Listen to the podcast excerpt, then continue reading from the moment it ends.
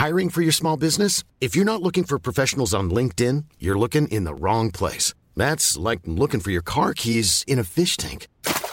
LinkedIn helps you hire professionals you can't find anywhere else, even those who aren't actively searching for a new job but might be open to the perfect role. In a given month, over 70% of LinkedIn users don't even visit other leading job sites. So start looking in the right place. With LinkedIn, you can hire professionals like a professional. Post your free job on linkedin.com slash people today.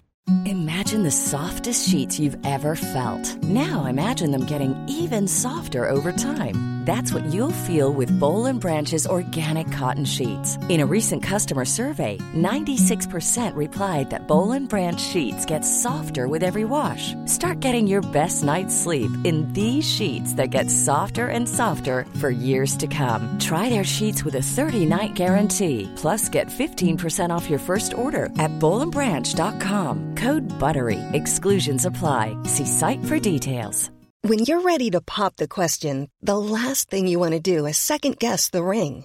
At Bluenile.com, you can design a one of a kind ring with the ease and convenience of shopping online. Choose your diamond and setting. When you find the one, you'll get it delivered right to your door. Go to Bluenile.com and use promo code LISTEN to get $50 off your purchase of $500 or more. That's code LISTEN at Bluenile.com for $50 off your purchase.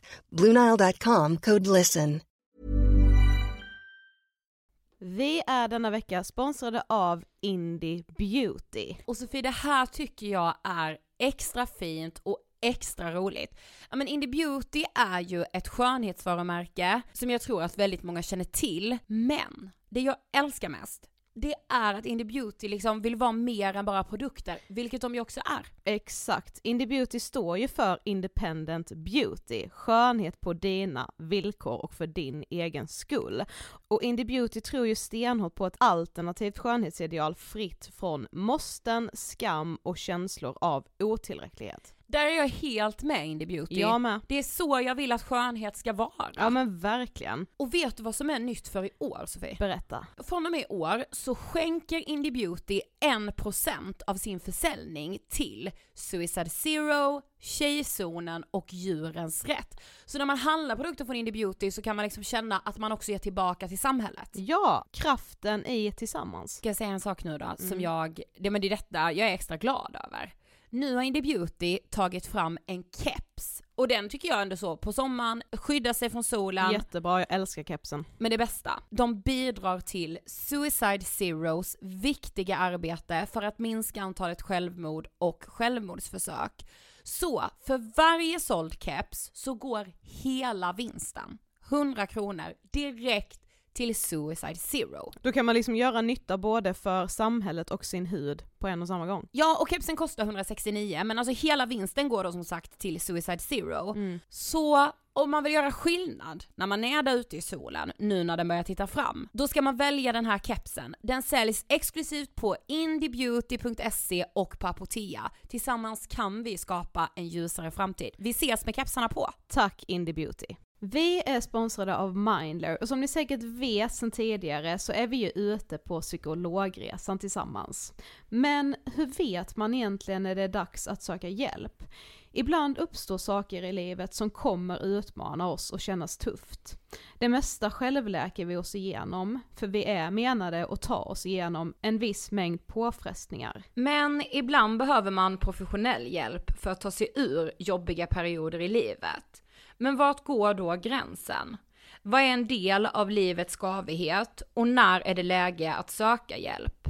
Det sägs till exempel att stress är farligt, men att det också kan vara bra. Alla sover dåligt ibland, så när har man egentligen sömnproblem? Ångesten kommer väl krypande för de flesta någon gång. Så när ska man se ångesten som outhärdlig?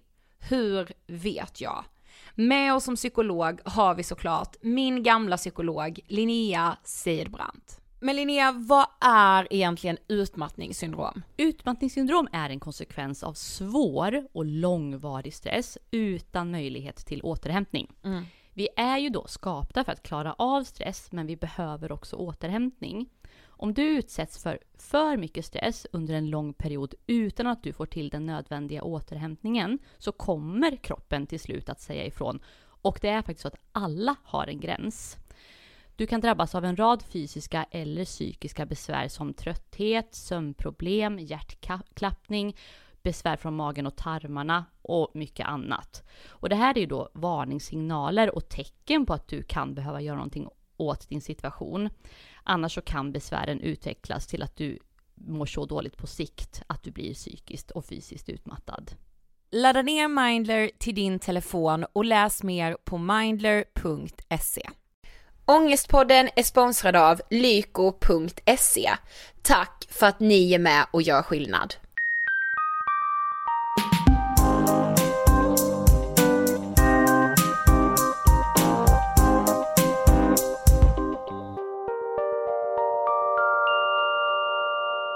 Hej allihopa och hjärtligt välkomna till avsnitt 67 av Ångestpodden! Hej! Åh, alltså jag älskar eh, ve- tiden på veckan när vi sätter oss ner för att podda. Jag med. Det är så skönt. Det är typ, just nu känns det helt ärligt som den enda stunden när jag faktiskt slappnar av.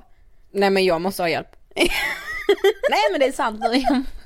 Jag, jag måste ha hjälp med min sömn. Det här är helt sjukt. Ja men jag med.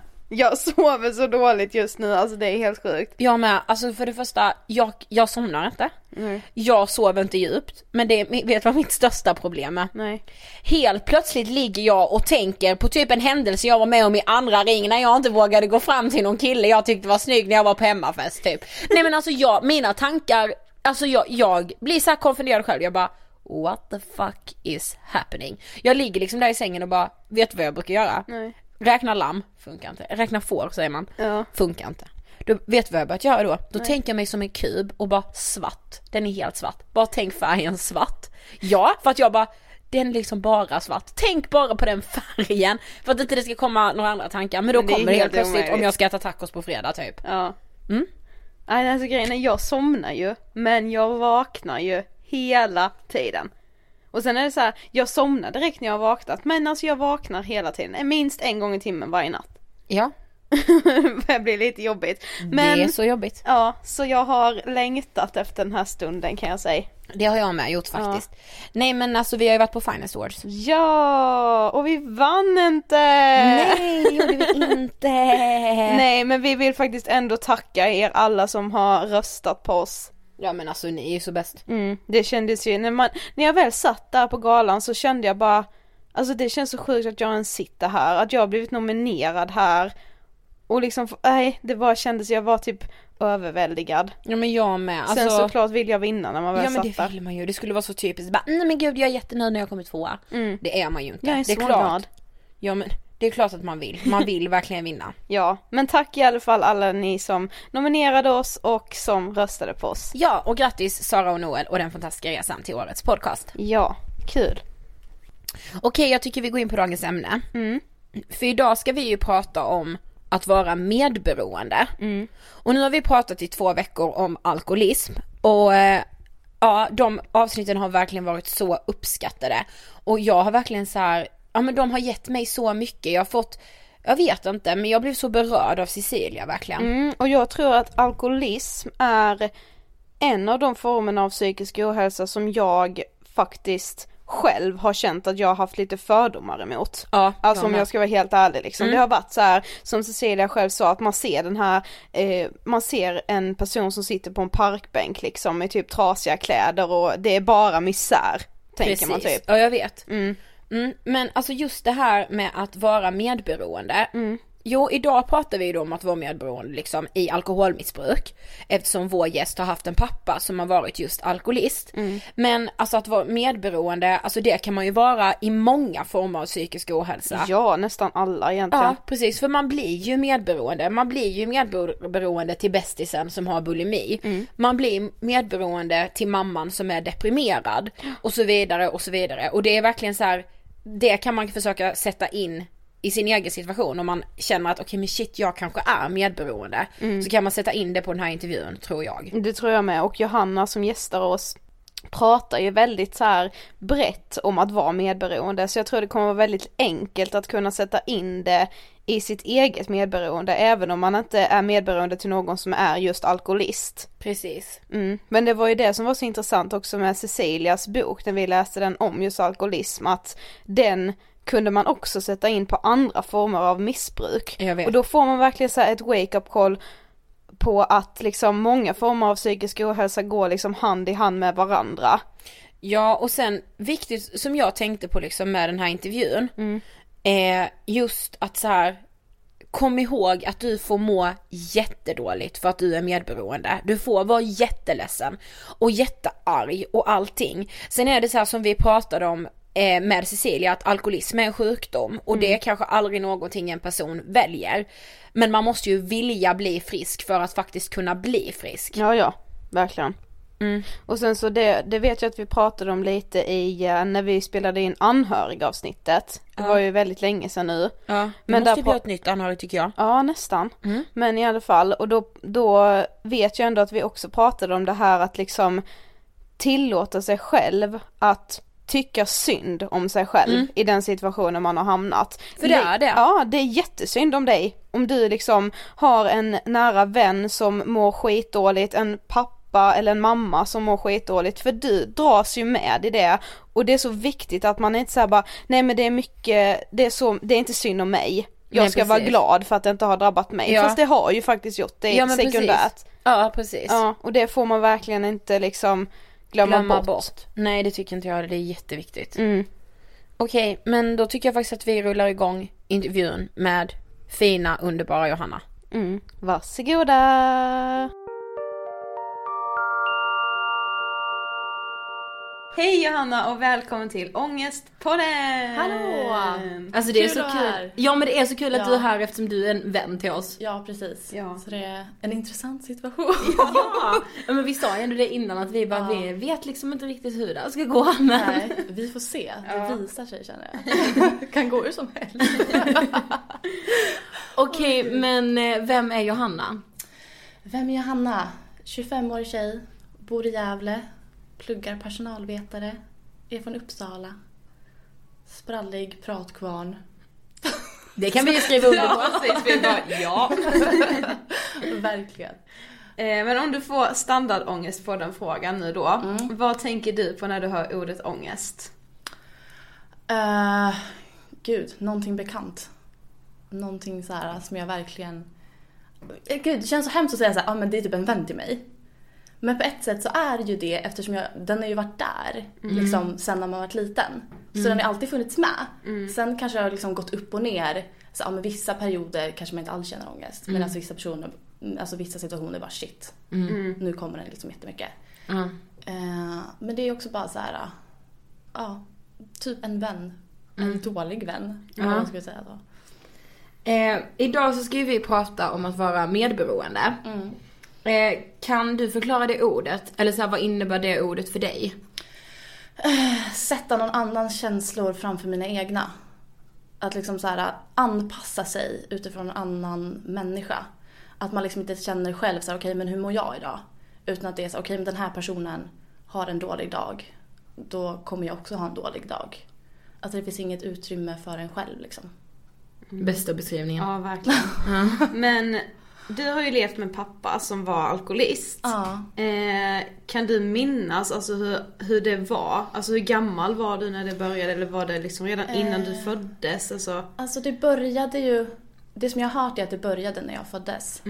Eh, och eh, alltså då var det bara så, okej men det började bli så en ohälsosam relation till alkohol. Det var liksom inte så här jätteeskalerat.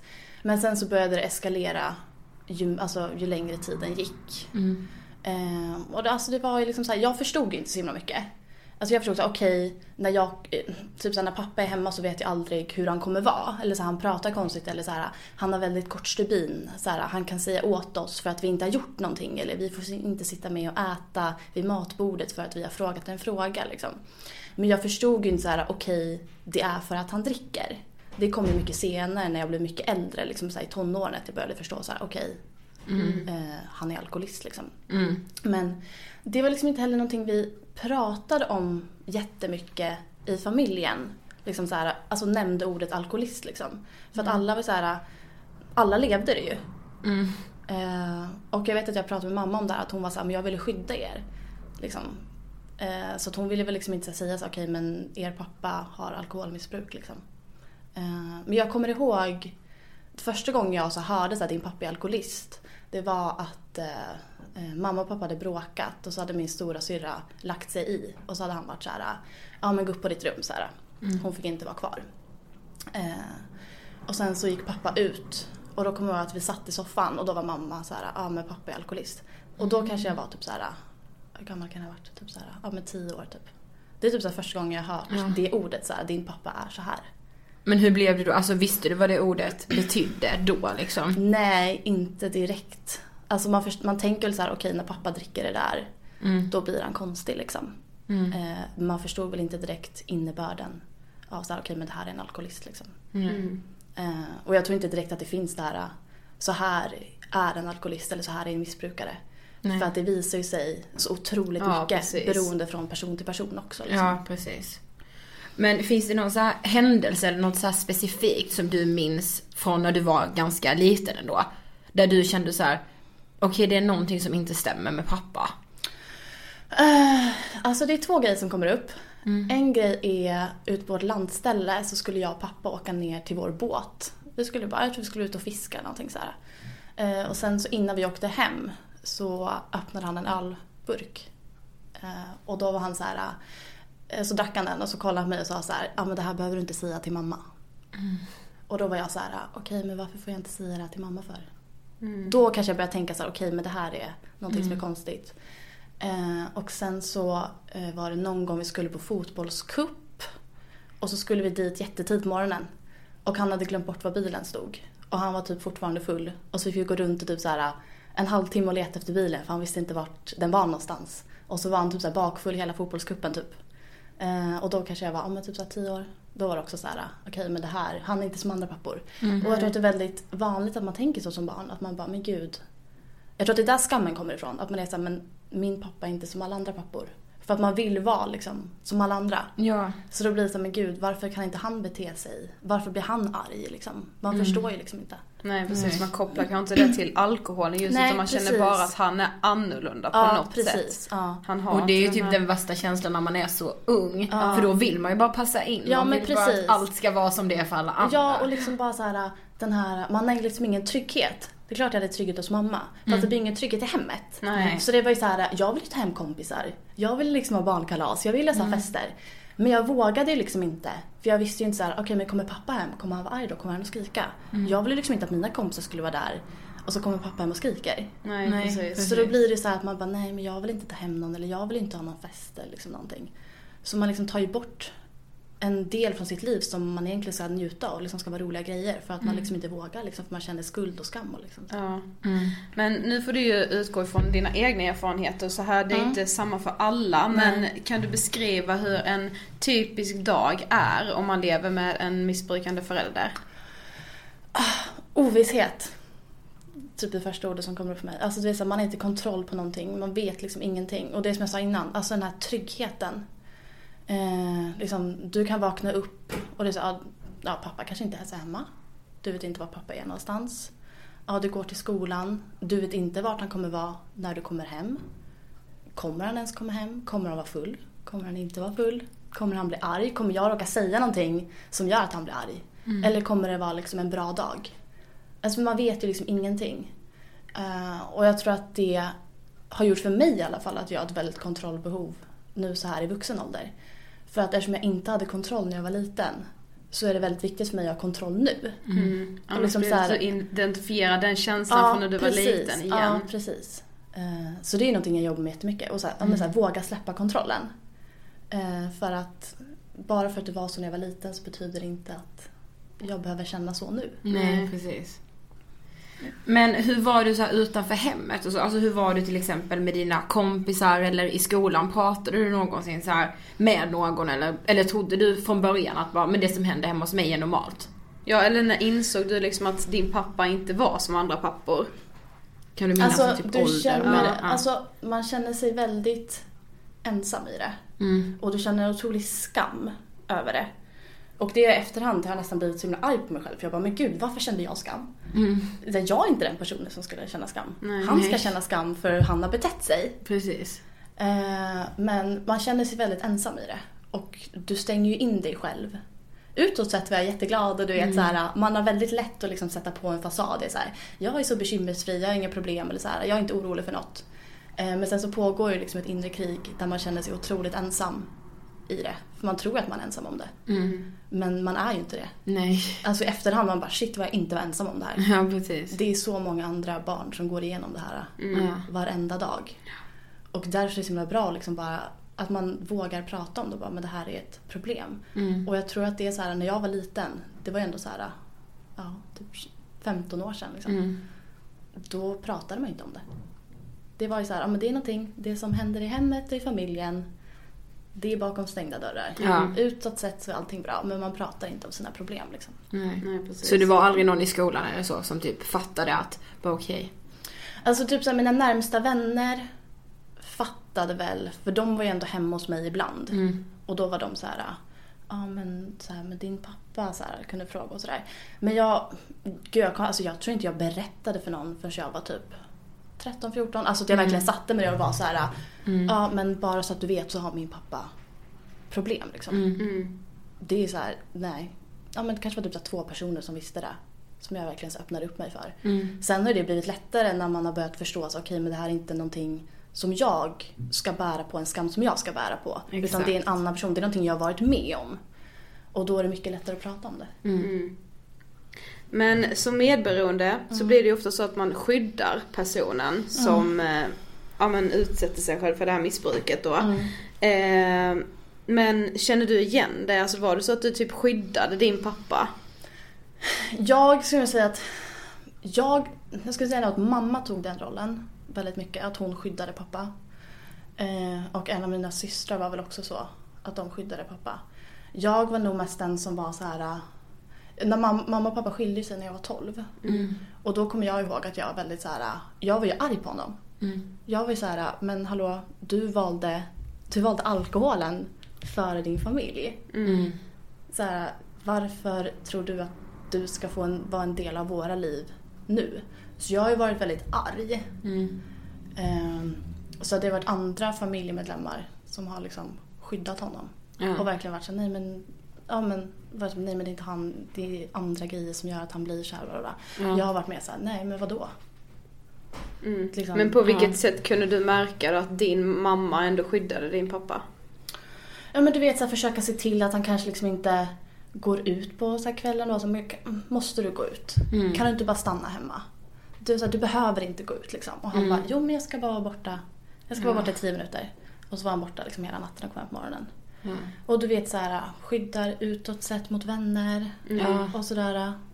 Det är det man tänker, alltså så här, kanske att bara, ja men om de ska på någon middag och så Ja. bara, ja men nej men han, han är sjuk eller Ja, han är, ja alltså, men så- precis. Ja. Ja. För det, det är ju så här, vi läste på någon typ medberoende.se Mm. att det är ju verkligen så det typiska att så här, ja men man finns där som en livlina hela Mm. tiden för den missbrukande. Ja och så, så här, man kommer på ursäkter också för personen. Som Precis. du säger, att man alltid är så här: nej men pappa mår inte bra, pappa är sjuk. Eller så här, "Ah, pappa måste jobba.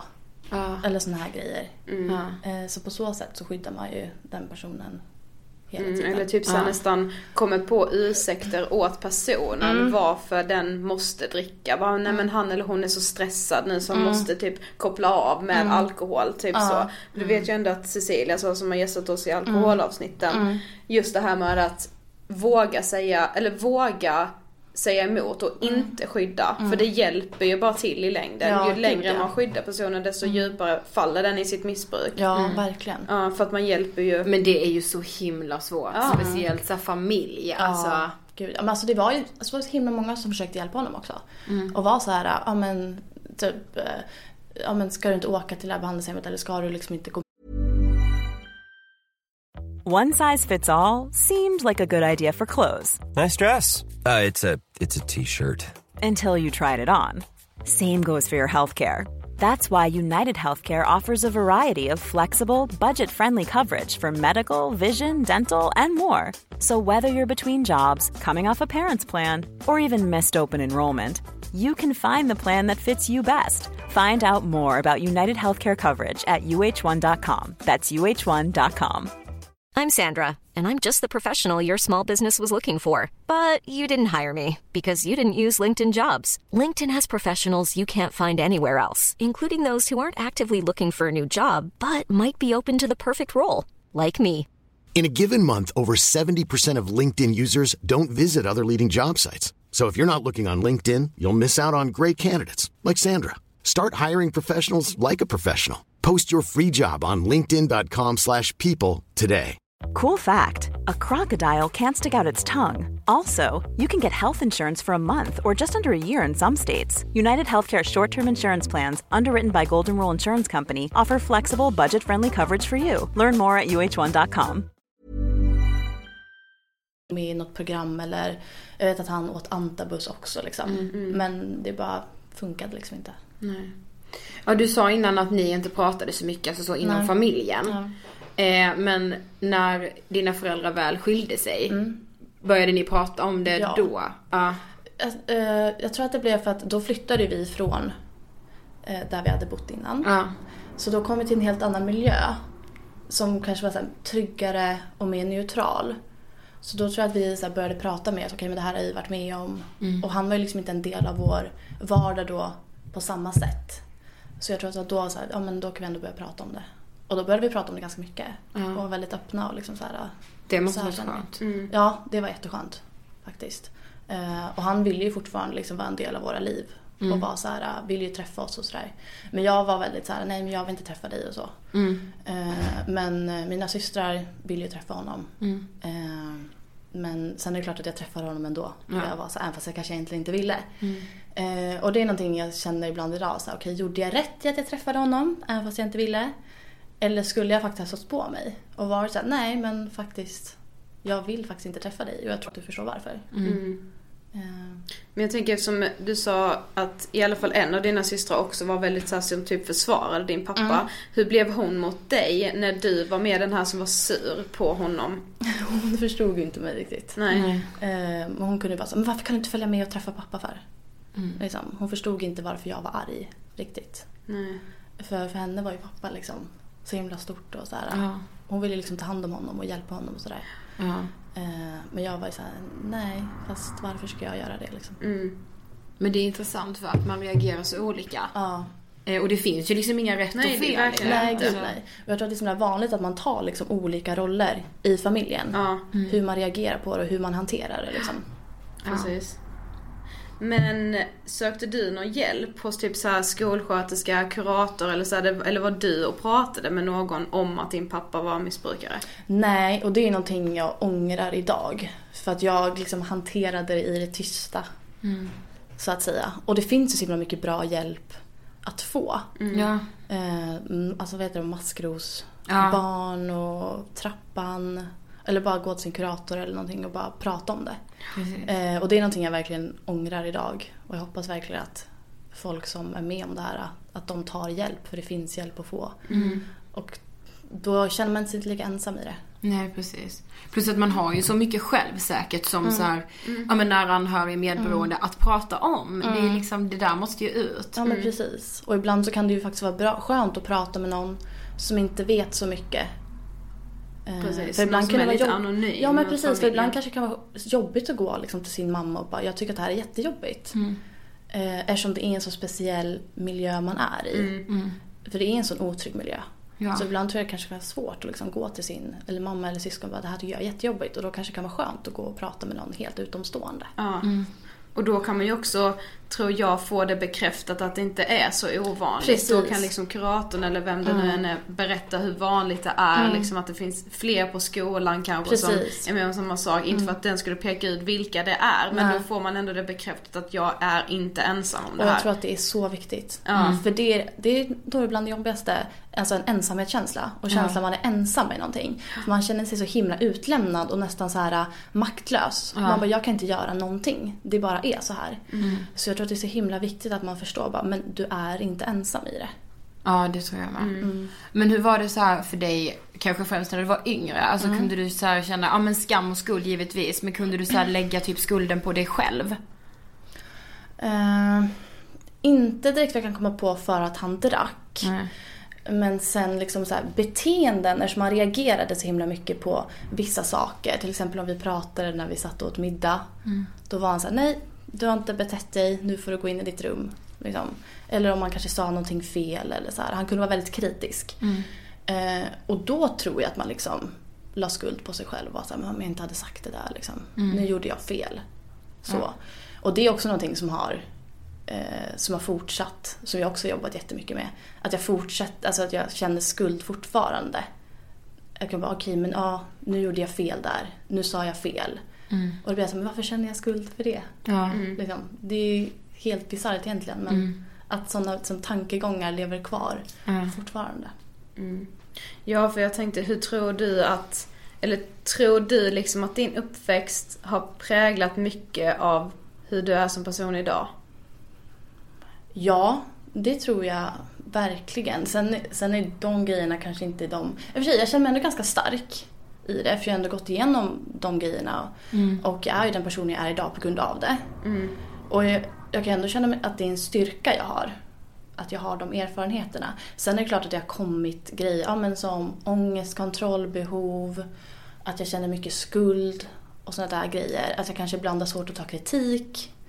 Eh, det är ju som, alltså, negativa grejer som har kommit med det. Eh, men det är ju bara grejer man kan jobba på. Liksom, jag kommer bli starkare genom det också. Ja men Ja, exakt. gud, ja. Jag upplever redan dig som, ett väldigt, som en väldigt stark person. Ja, det var gud, typ ja. första intrycket jag fick av dig första gången vi träffades. var så här, jättesocial, glad och härlig liksom. Ja, Ja, och väldigt så här, trygg i dig själv. verkligen. Vad kul. Men när, alltså när kände du så här att okej men nu kan jag vara helt öppen med att pappa har varit alkoholist? Eh, Har det liksom växt fram eller var det Alltså så det blev ju lättare och lättare att prata om det ju mer jag pratade om det. Ja. Alltså ju fler vänner jag berättade för var ju så här: okej, men det är inte så jobbigt. För att jag har också ibland haft väldigt svårt att, eh, jag har väldigt svårt att visa mig svag för människor och visa Mm. känslor och sådär. Ehm, och det har liksom blivit lättare ju mer jag pratat om det. Mm. Sen är det klart att jag tror att det blev lättare. Han gick ju bort 2009. Och jag tror efter det så har det liksom blivit mycket lättare Mm. att verkligen så berätta historien och liksom vad man har varit med om. Mm. För att även fast de skilde sig och inte vi bodde med pappa så var det ändå så här, ja man kunde ju ringa full. Ja. Han kunde dyka upp full. Och sådär.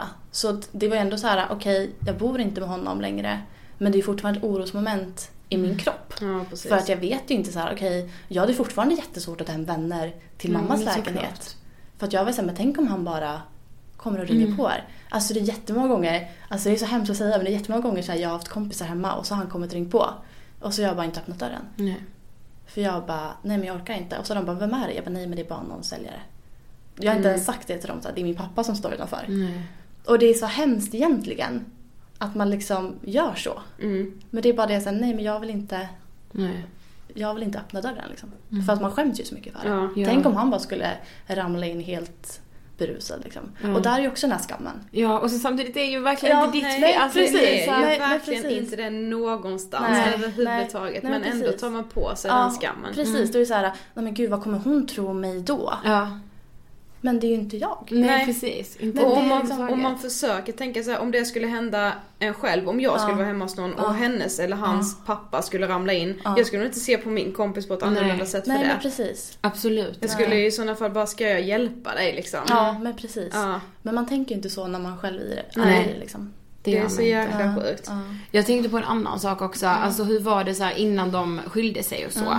Alltså var han öppen med sitt drickande framför er? Ja, mer att han drack framför oss? Ja. Ja, Ja. det var det. Han kunde komma hem och bara knäcka. Men erkände han själv att han var alkoholist? Nej, Nej. det var, det var han inte. Nej. Nej. Det ville han liksom inte medge.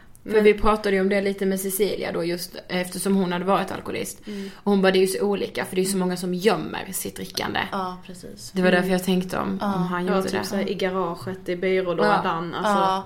Nej, sen är det så här, man kunde hitta vinflaskor liksom i hans ryggsäck eller typ så här i hans arbetsrum kunde man liksom hitta tomma vinflaskor Mm. Och sådär. Mm. Och sen var det så klart, alltså klart så att han gick ju iväg också ganska ofta och var såhär, men jag ska gå ut och göra någonting. Ja. Och så kom han hem full. Alltså var det någon gång jag fyllde, jag tror jag fyllde sex år. Då bara på morgonen, han bara nej men jag ska bara gå ut och så var han borta hela dagen. Så han missade så hela mitt kalas, mitt födelsedagsfirande och allting liksom. Ja. Ja. Och det gör så ont att höra sånt. Ja. Det gör verkligen det. Men har du några tips? På, om det sitter någon nu och lyssnar och känner att de själva är medberoende. Har du något tips till dem?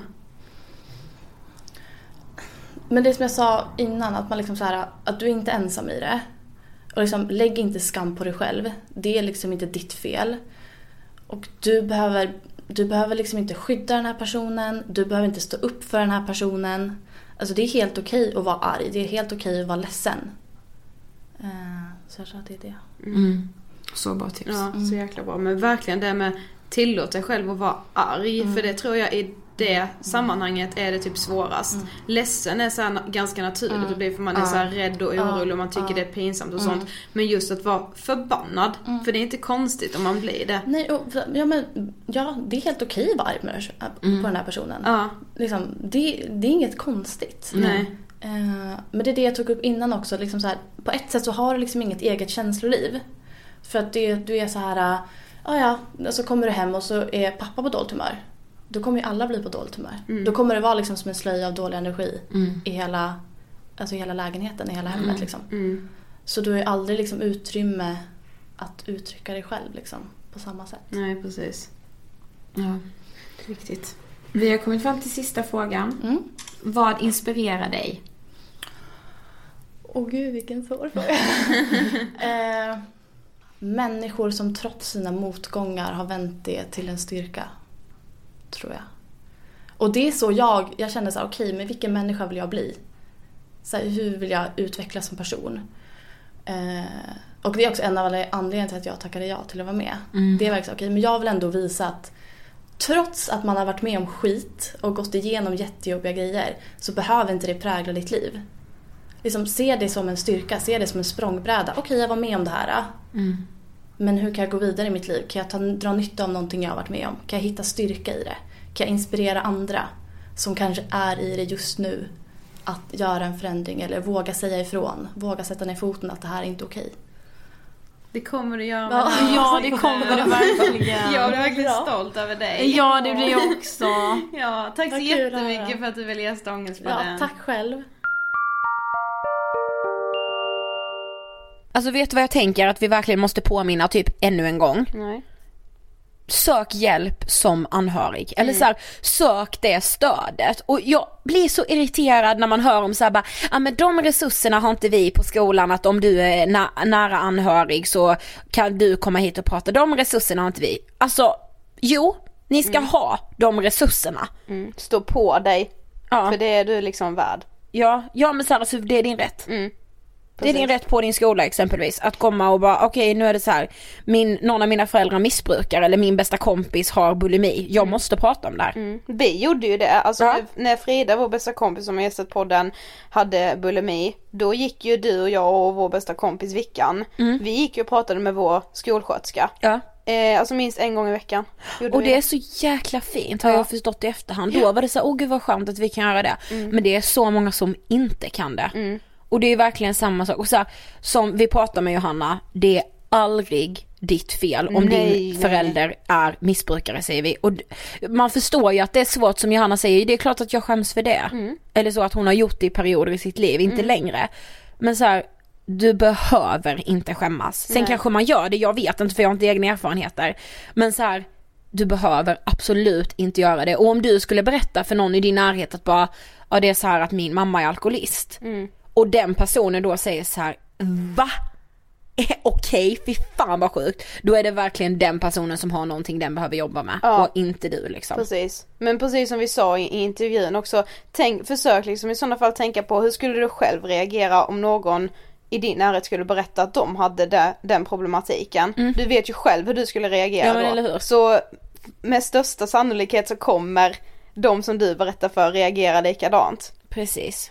Yes, hoppas att ni tyckte om det här avsnittet i alla fall. Ja. Ska vi köra veckans hiss? Veckans hiss är igång. Mm. Okej, men om jag börjar då. Ja, börja. Grejen var så här att du hissade detta i förra veckan. Mm. Men jag vill liksom hissa igen för jag har hittat en sak på det här. Mm. Jag vill ännu en gång hissa Minds självmordslinje. Eh, och jag skrev det på min Twitter att jag bara, jag tror att Minds självmordslinje är det viktigaste jag vet. För, för jag tycker verkligen det eftersom de räddar liv på, ja men de räddar liv varenda dag. Håller med. Mm.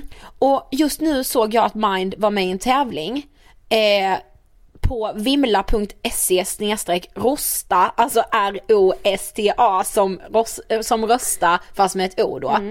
Ja, och eh, ja men jag tycker verkligen de förtjänar att vinna den för deras självmordslinje. Så kan inte alla gå in och rösta? Det här är absolut inte sponsrat eller någonting. Det var bara jag som såg det här. Och ja men jag, jag tycker liksom att deras självmordslinje är så himla himla himla bra. Och därför tycker jag att de ska vinna. Ja, det är ju en, omröstningen står mellan Djurens Rätt, Mind och RFSL. Och jag känner typ så här, det hade varit så kul om, eller kul, men alltså det hade varit så bra om psykisk ohälsa faktiskt fick vinna en sån tävling. Ja men det är klart, det tycker Ja, ju vi liksom. Det är så här, yeah, nu slår vi ett slag tillsammans för den psykiska ohälsan, så in där och rösta.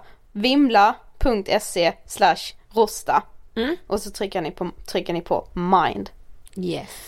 Okej, min veckans hiss är lite, lite mer lättsam skulle jag väl säga. Ja. Men jag vill hissa Filip och Fredriks program Ska vi göra slut? Nej men alltså jag älskar det så mycket. Ja, alltså det är tisdag när vi spelar in det här och de hade premiär igår, alltså måndags. Ja. Eh, och vi kollade på avsnittet igår, alltså jag vet, det finns typ inget program som jag får så mycket känslor av som det programmet. För det är såhär, jag skrattar, gråter, skrattar, gråter. Nej men det är så bra. Ja men det är så klockrent. Ja ja men alltså allt. Det är så fint och det är så bra och det är så här, ja men allt. Ja men det är så här, jag tycker liksom att det är så bra för att det är en så bra, de ger en så bra bild av hur livet också ser ut. Det är lite som Ångestpodden liksom, den här, inget, det är så oretuscherat allting. Det är så äkta. Och det Exakt. är det jag älskar så jävla mycket. Så har ni inte kollat på Ska vi göra slut? Så gå in på kanal 5 och kolla. Det här var inte heller spons men Nej. det är bara veckans Det var veckans hiss. hiss eller hiss. Ja. Ja, gud vad underbart. Mm.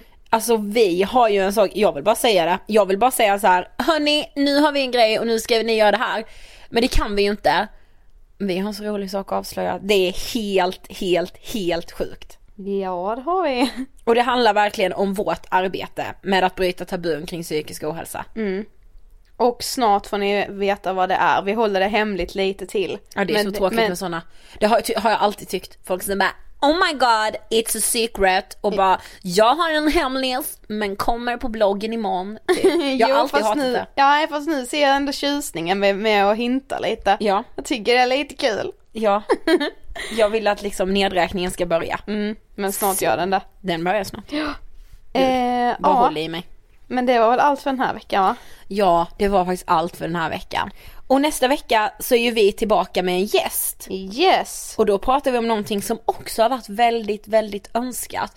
Och jag hade så roligt på den här inspelningen. Det hade så att, jag med. Ja, ja, gud, det jag blir en vet väldigt inte. skrattig inspelning. Ja, fast också väldigt allvarlig. Mm, och viktig. Precis, som Yes. alltid hos oss. Ja. Följ Angespodden på Instagram så får ni veta på tisdag vilken gästen är. Exakt. Och eh, ja, Följ oss på Instagram, jag heter Sofie Hallberg. och jag heter Ida Hockerstrand. Eh, vi hörs ju som vanligt som sagt nästa torsdag igen. Ja, det gör vi. Ta hand om er tills dess. Ha det bäst! Och glad valborg, säger man så? Ja det gör man va? Ja, ha nu en riktigt... Sköna maj, välkommen! till Ja. bygd igen. Nej, är det sant? jag vet inte. Ja. Och eh, drick med måtta, tycker Ja. jag vi ska säga också. Just när det är valborg har jag hört. Mm, det är ju en av eh, så här, det är väldigt många som testar att dricka alkohol för första gången under valborgshelgen. Ha sin alkoholdebut helt Ja. enkelt. Så eh, ta Ha det lugnt. respekt. Exakt. Mm. Okej, ha det bäst så hörs vi. Hejdå! Hej